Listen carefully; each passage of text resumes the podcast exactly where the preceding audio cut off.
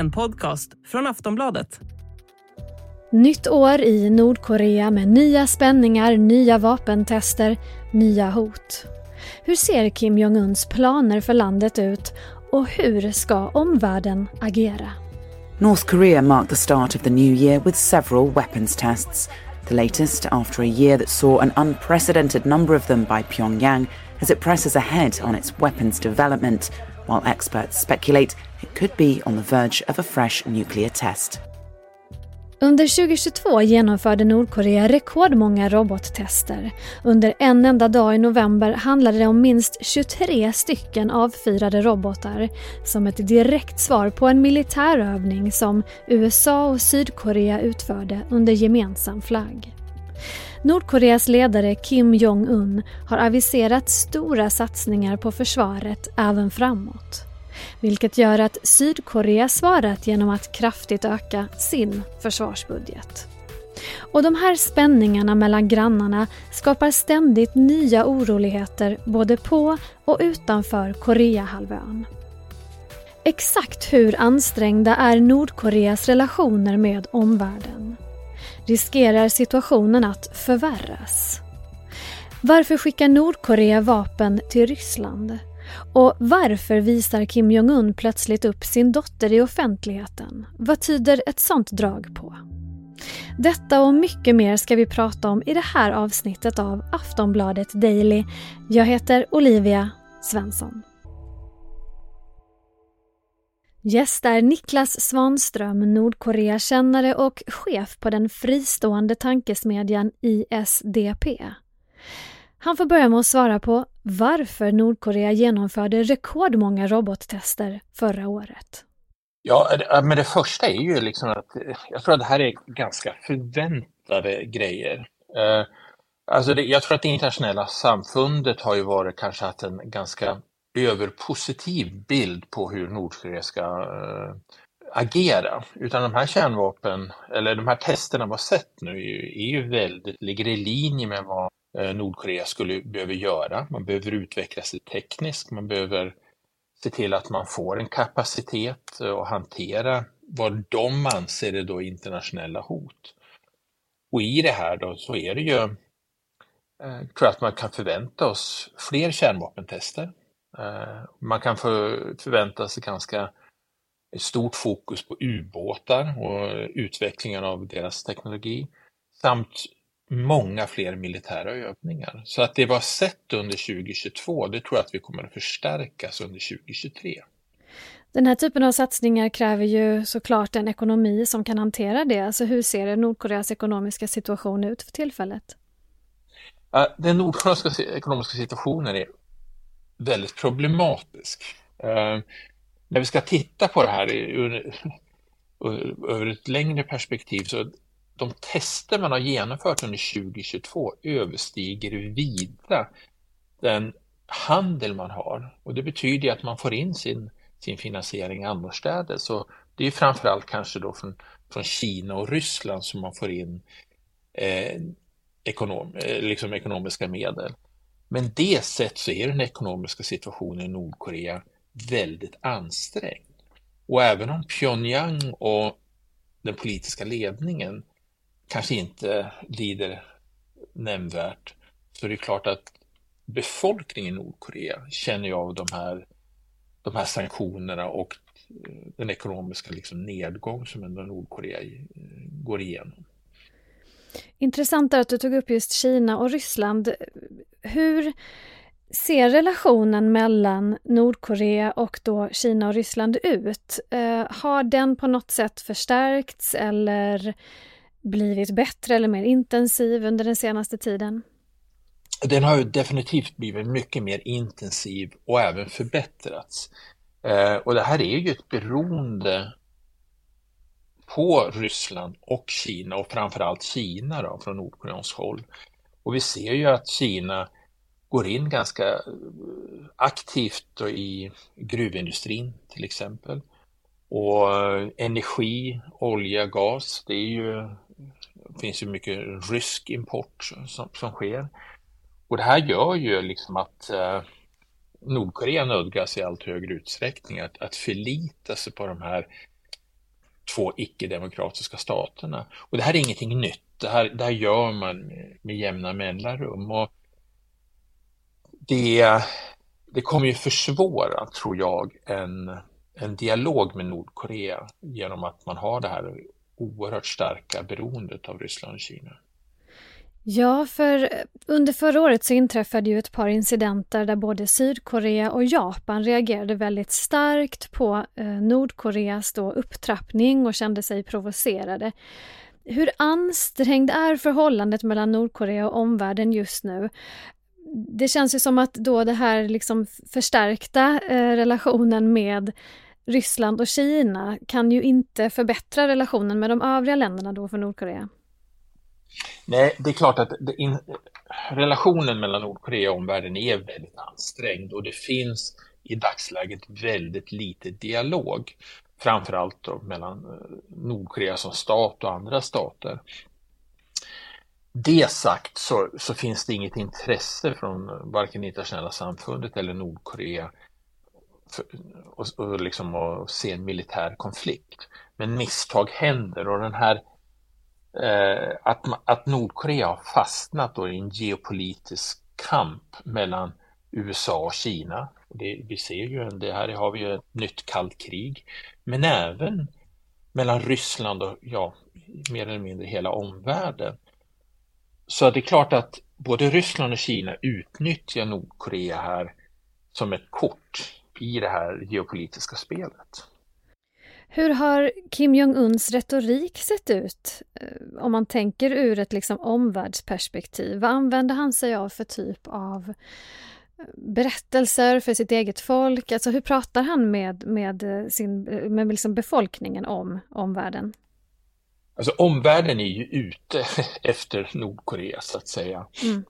USA, västvärlden och västvärlden är då även Sydkorea och Japan det är att om inte Nordkorea stärker sin militära förmåga så kommer vi att invadera och det här kommer att, det är alltid försvaret av Nordkorea som är det centrala.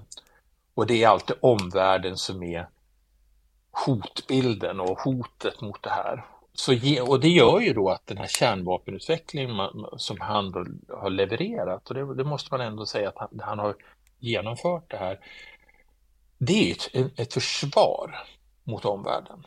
Mm. Det är inte riktigt så här som omvärlden ser det givetvis, men det är retoriken internt att allt det här och alla uppoffringar det nordkoreanska folket måste göra, det är ett syfte då att överleva för Nordkorea som stat. Hur ser egentligen Nordkoreas kärnvapenprogram ut? Det pratar vi om när vi är tillbaka efter den här korta pausen.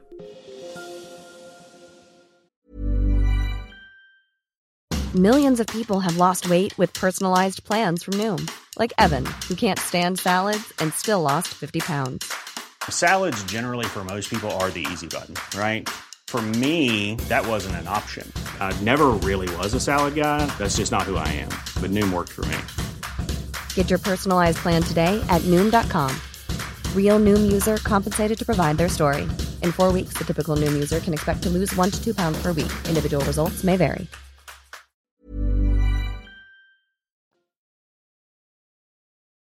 A new year brings a new round of threats from North Korea's combative, soon to be 39 year old dictator.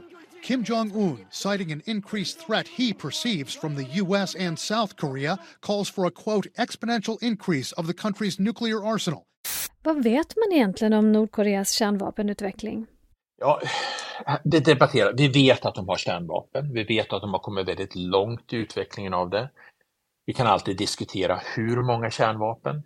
Det finns diskussioner om allt ifrån ett fåtal till närmare 100 och troligtvis ligger de mittemellan där någonstans, men mellan 30 och 50 kärnvapen. Eh, man har utvecklat missil, ett missilsystem som klarar av att eh, eh bära kärnvapen. Men det är framförallt kopplingen mellan och ut, missilteknologin och att applicera kärnvapen på de här missilerna som har varit problemet. Och det är där man kommer också få se kanske den stora militära utvecklingen i Nordkorea. Ehm, att kunna göra kärnvapnen mindre, mer effektiva och missilerna då mer eh, träffsäkra och liksom eh, att de klarar av att bära ett kärnvapen. Men eh, det har kommit väldigt, väldigt långt och jag tror inte man ska underskatta den nordkoreanska förmågan på något sätt. Du som följer utvecklingen i Nordkorea väldigt nära, vad är liksom de mest oroväckande tecknen på hur i den riktning landet eh, så att säga förs? Är du mer oroad nu än vad du var för ett år sedan till exempel? Ja, alltså det, jag tror inte det har ändrats särskilt mycket den senare, den senare tiden utan vad vi ser det är ett, ett Nordkorea som är allt mer militärt kapabel. Vi ser ett Nordkorea som är allt mer isolerat. Och det här är ju en, en, en risk utåt sett. Men sen är det ju de här de interna problemen. Alltså, alltså befolkning som lider av svält, befolkning som lider av ett förtryck. Um, det så du har ju både en inhemsk dimension och en extern dimension. Men vad jag är mest rädd för det är misstag. För i den här hårda retoriken och i den här konfrontatoriska situationen vi ändå står inför. Om ett misstag skulle hända, då, då ser vi ju en, kommer vi se en eskalering som går väldigt fort. Och sen måste vi också anta att om nu Nordkorea blir en kärnvapenmakt, vilket Eh, och erkänner Nord som en kärnvapenmakt. Mm. Vad kommer Sydkorea att göra? Vad kommer Japan? Kommer de att utveckla kärnvapen? Och jag tror att det är högst sannolikt att um, Sydkorea och Japan över tid måste då utveckla egna kärnvapen. Och det här, här skapar ju en, en, en, eskalering av, av spridning av kärnvapen. Men sen ett annat problem vi står inför det är ju icke-spridning av kärnvapen. Hur menar du då? Om, nu Nord, ja, om Nordkorea nu har den här teknologin men inte erkänns som kärnvapenmakt, kommer de att sälja den här teknologin till andra stater? Och där tog du upp en väldigt intressant sak, för enligt amerikansk underrättelseinformation så skickar ju Nordkorea robotar och vapen till den ryska privatarmén Wagnergruppen. Och jag menar, det har ju verkligen hänt under året. Det finns ju ett krig nu eh, som, som eh, Ryssland har satt igång. Hur ser du på den eh, situationen då i förhållande till det? Jag menar, det är högst sannolikt, tror jag, jag har liksom inga egna bevis, men jag, jag förlitar mig på samma uppgifter, att, att Nordkorea Eh, skickar vapen till Wagnergruppen och Ryssland. Man har ju också erbjudit arbetare och soldater etc., vilket är mycket mer osannolikt. Men Nordkorea har ett behov att visa sig användbar för Ryssland och i utbyte får man ju då både energiresurser, olja och gas, men även kapital. Så att det här är ju en, en ganska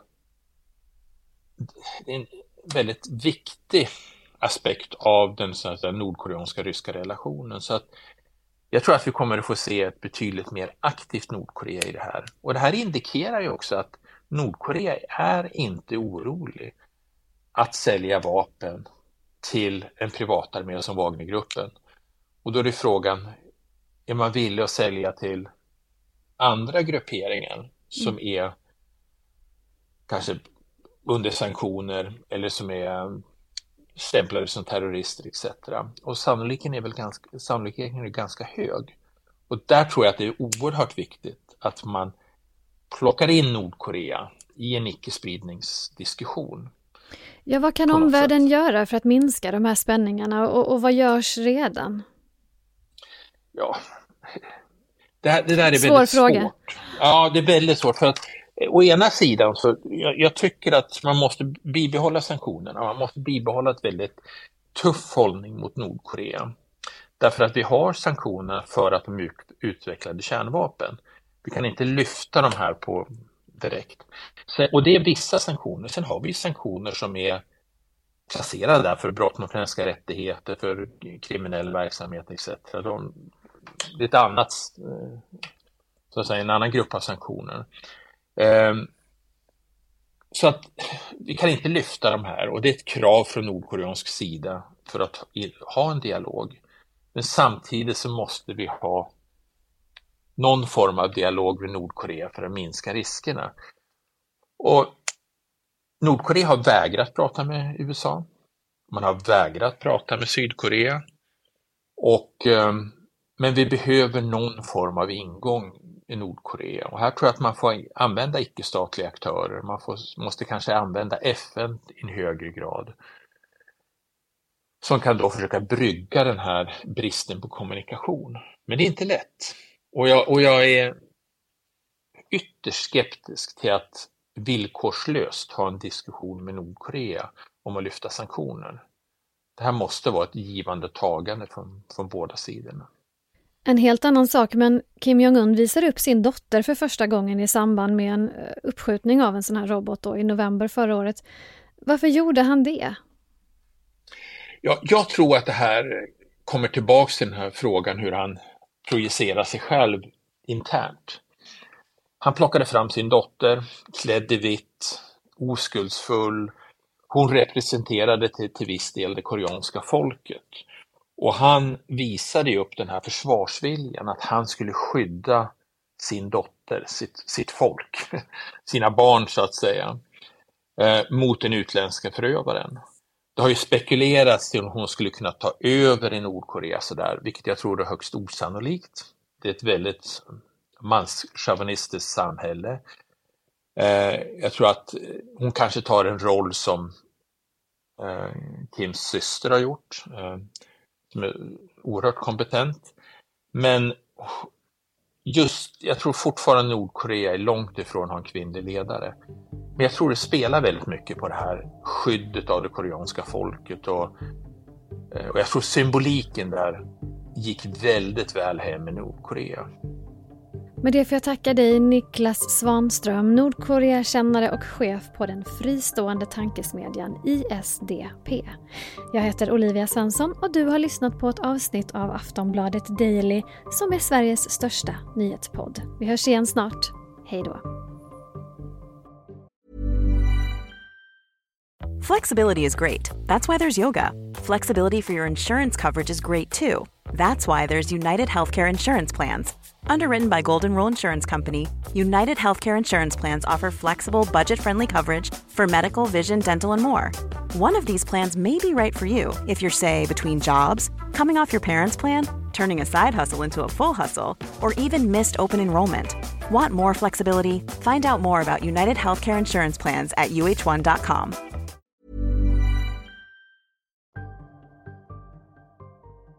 Du har lyssnat på en podcast från Aftonbladet.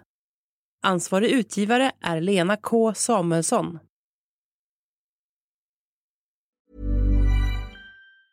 Tired of ads barging into your favorite news podcasts? Good news. Ad-free listening is available on Amazon Music. For all the music plus top podcasts included with your Prime membership.